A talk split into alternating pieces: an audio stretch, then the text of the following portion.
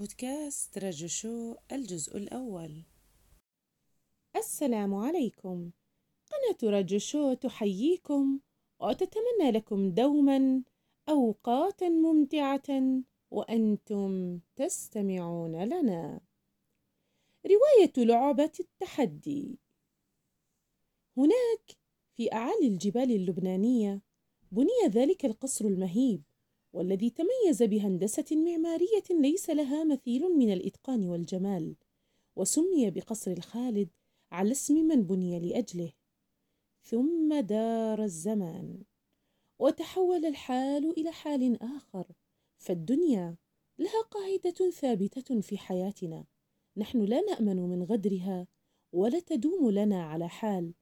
سواء أكان ذلك الحال خيرا أم شرا. وذهب العز الذي كان في ذلك القصر وذهب معه صاحبه ليؤول هذا القصر العظيم لمن يجيد الاهتمام به ويعيد له أمجاد عزه كما كان في سابق الزمان. إنه ذلك الشاب العصامي والطموح والذي أثبت نفسه في عالم الأعمال وأصبح واحدا من أشهر رجال الأعمال الناجحين وأصحاب الأملاك. إنه فارس رجل غني متبلد الإحساس والعواطف. قاس كقساوة تلك الجبال التي شيد عليها ذلك القصر المجيد. ليعيش فيه حياة الترف والرفاهية التي يعيشها كل من يقطنه فارس هذا رجل أعزب قرر عدم الزواج بعد تجربة خطبة فاشلة. من فتاة أحبها بشغف كانت تمتلك قدرا كبيرا من الجمال. والجرأة القاسية والتي جعلتها وبكل بجاحة تتركه وتذهب لصاحبه وصديقه لمجرد أن شعرت حينها أنها أنه يملك ثروة أكثر منه.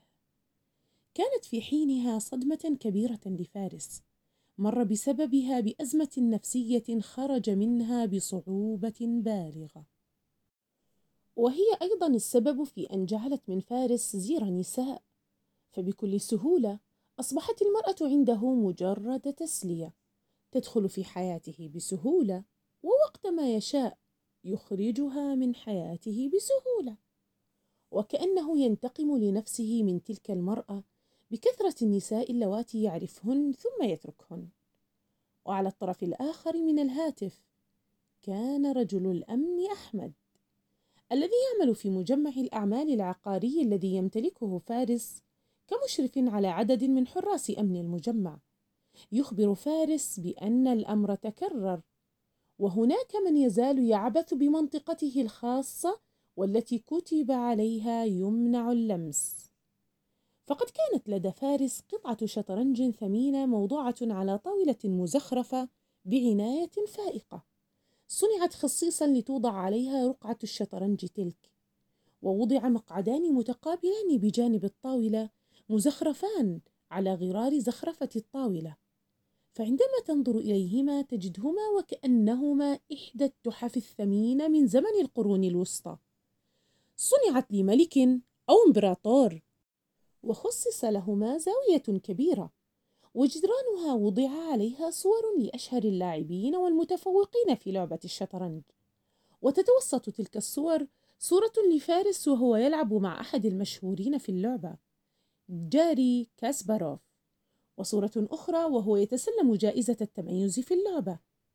وضعت تلك التحفة في هذه الزاوية المؤدية إلى مكتب فارس ووضع بجانبها تحذير خاص بعدم اللمس والاقتراب.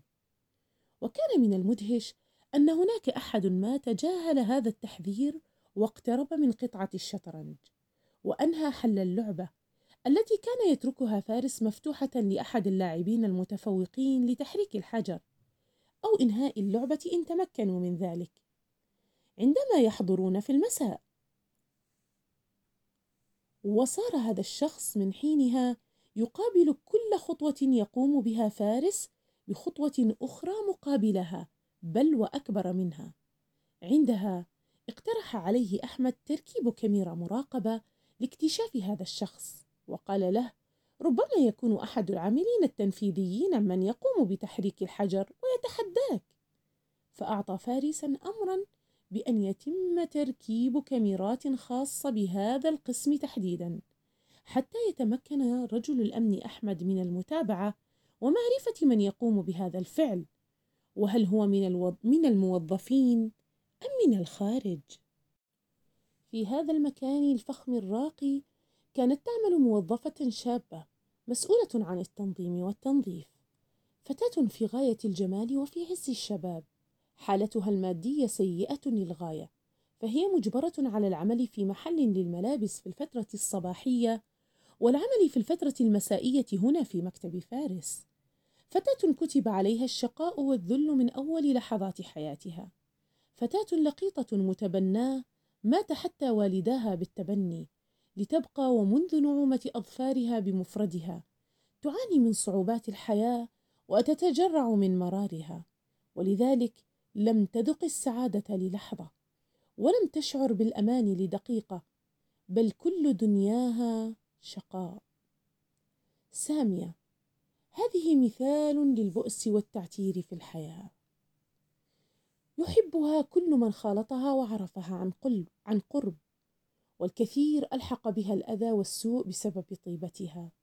وذات يوم وبينما كانت تعمل في محل فارس إذا بصوت عال يطلب منها أن تتبعه لتلتفت وتجد رجلا ضخم البنية تبعته دون أي سؤال منها.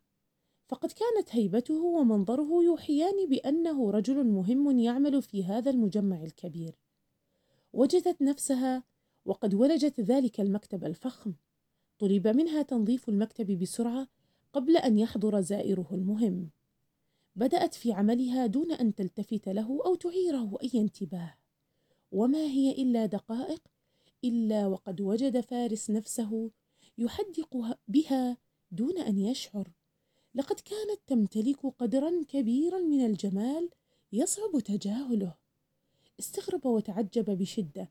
كيف لهذا الجمال أن يعمل في مثل هذه الوظيفة الحقيرة.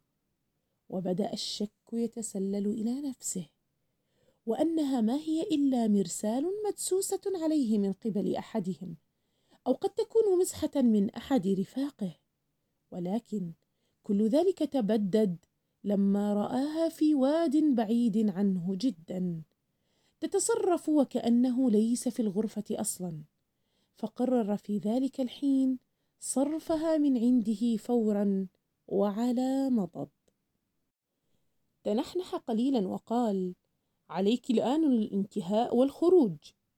نطق هذه الكلمات وهو ينظر في عينيها لوهلة شعر بالانبهار. أراد أن يخفي هذا الإحساس ولكنه لم يستطع أن يرفع نظره عن عينيها الآسرتين. ثم ضاع في سحرهما بينما هي عندما رأت وجهه أصبحت دقة قلبها تسمع كالطبل واحمرت وجنتاها وهرولت خارجة من المكتب دون أن تنبس بكلمة. وأثناء مرورها بالركن الخاص لفارس الممنوع من اللمس لم تستطع سامية منع نفسها عما كانت تفعله كل ليلة بعد أن تنتهي من التنظيف. فوقفت متأملة عند رقعة الشطرنج وحركت حجرا في خطوة ترد فيها على اللغز الذي تركه فارس كعادته. لم يتمالك فارس نفسه ويخفي صدمته عندما شاهد في الكاميرا ذلك الشخص الخفي الذي يقوم بتحديه وعرفه. فها قد حل اللغز وأخيرا وعرف الفاعل وافتضح المستور. فيا لها من مفاجأة غير متوقعة إنها عاملة النظافة. أهي التي تقوم بذلك؟ وهكذا بكل ذكاء وبمنتهى السهولة. تقوم بحل اللغز الذي عجز عن حله الكثير؟ فأخذ يعيد التسجيل مرارا وتكرارا وهو في غاية الذهول. وهنا عادت الفكرة تسيطر عليه باستحالة ما يرى وأن هناك من سلطها عليه. فهل يعقل أن هذا الجمال والذكاء يعمل في الترتيب والنظافة ويترك فرصا كثيرة يمكنه أن يرتقي من خلالها؟ بقي فارس يراقب سامية لبضعة أيام من خلال الكاميرات وكان يقصد في كل مرة أن يحرك هو حجرا لترد هي بتحريك حجرا لخطوة أخرى حتى أنهت اللعبة وفازت فعرف أنها فتاة تتمتع بذكاء وحنكة فهذه اللعبة تحتاج إلى التخطيط والتدبير والقدرة, على التفكير العميق. في الحقيقة شغلت تلك الفاتنة عقل فارس ووصل به الأمر أن يبدأ بجمع معلومات عنها ليتعرف عليها أكثر وأوكل مهمة البحث هذه إلى أحمد رجل الأمن وأراد أن يجتمع معها على طاولة لعب واحدة ليتحداها بلعبة من جانب ومن جانب آخر أراد أيضا أن يتعرف إليها أكثر عن قرب فالذي يعرفه عنها ما يزال شحيحا. كانت سامية تعمل في الممر أمام مكتب فارس ففتح الباب لتجده أمامها بغتة. تجمد الدم في عروقها واتسعت حدقة عينيها في ذهول. زاد من جمالهما وانبهاره بها. تلعثمت سامية في كلامها من هول الصدمة وقالت هل تريد شيئا سيدي؟ أخبرها بأنه فارس مازن التاجي وهو من يملك هذا المجمع العقاري الكبير. لم تصدق ما قاله وحسبته أحد الموظفين يحاول الإيقاع بها.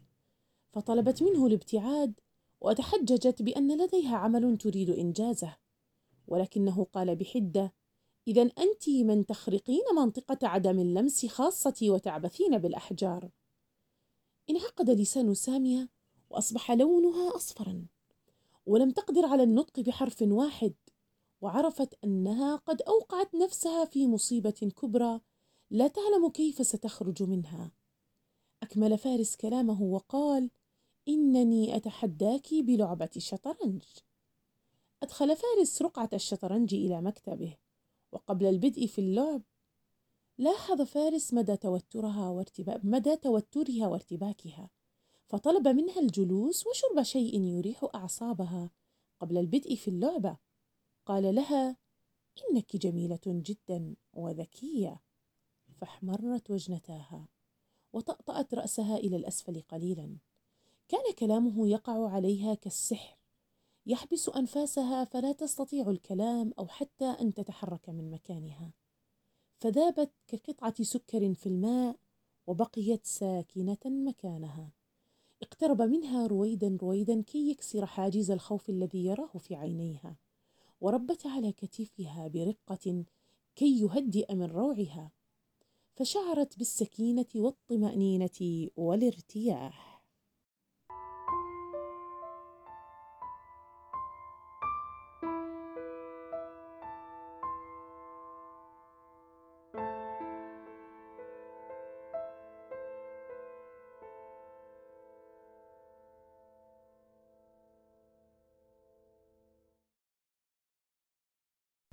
نهاية الجزء الأول بودكاست رجو شو. إلى اللقاء في الجزء الثاني.